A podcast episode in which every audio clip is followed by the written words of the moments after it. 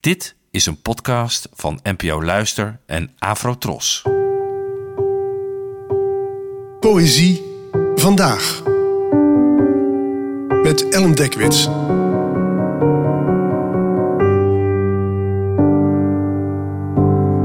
Hallo, fijn dat je luistert. Het gedicht van vandaag heet De Vis en werd geschreven door de Amerikaanse dichteres Mary Oliver, geboren in 1935 en vertaald door mij. De vis. De eerste vis die ik ooit ving, wilde niet stilletjes in de emmer blijven, maar zwiepte en hapte naar het brandende wonder van de lucht en stierf tijdens het trage afgieten van regenbogen. Later opende ik zijn lijf en scheidde het vlees van de graten en at hem. Nu zit de zee in mij. Ik ben de vis. De vis schittert in mij. We zijn verrezen, verwikkeld in elkaar, vastberaden om ons in de zee terug te trekken.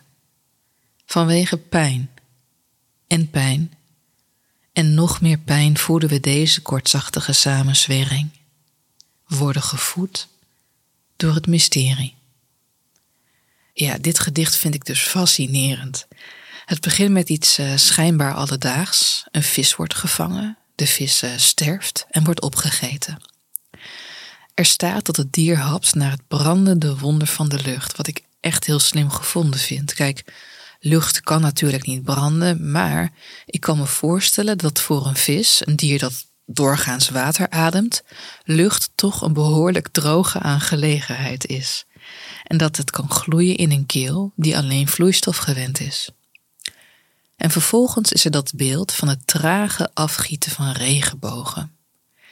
Ik stelde me eerst voor dat die vis vanuit een emmer op het land wordt gegoten en dat het zonlicht in die laatste waterstralen in veelkleurige prisma's uiteenbreekt. Maar later moest ik opeens denken aan de regenboog uit de Bijbel. Wanneer God na de zondvloed een regenboog laat verschijnen en tegen Noach zegt dat de mens nooit meer een zondvloed hoeft te vrezen en dat voortaan alle vissen in de zee de mens tot voedsel zullen dienen. De mens is dus, met andere woorden, veilig, maar de vis niet. En dan vervolgt dit gedicht met de versmelting van de mens en de vis. Ik ben de vis, zegt de mens, en de vis schittert in mij. We zijn verrezen, verwikkeld in elkaar. Ze willen naar de zee, naar dezelfde wateren die ooit het bestaan van de mensheid, in de Bijbel althans, bedreigden. Vis en mens, maaltijd en eter willen zich samen terugtrekken.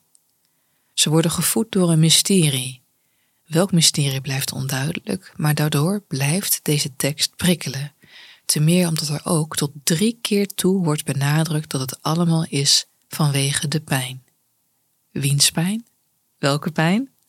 Dat blijft onzeker. Maar er is sprake van voldoende leed om je een beetje te kunnen indenken wat voor lijden hier allemaal wordt bedoeld. Van bijvoorbeeld het ene wezen dat zich voedt met het andere wezen. Van levens die worden voortgestuurd door mysterieuze krachten. En hoe vis en mens een kortzachtige samenzwering voeden, tot versmelting aan toe. Bedankt voor het luisteren en tot de volgende keer. Afro Tros, de omroep voor ons.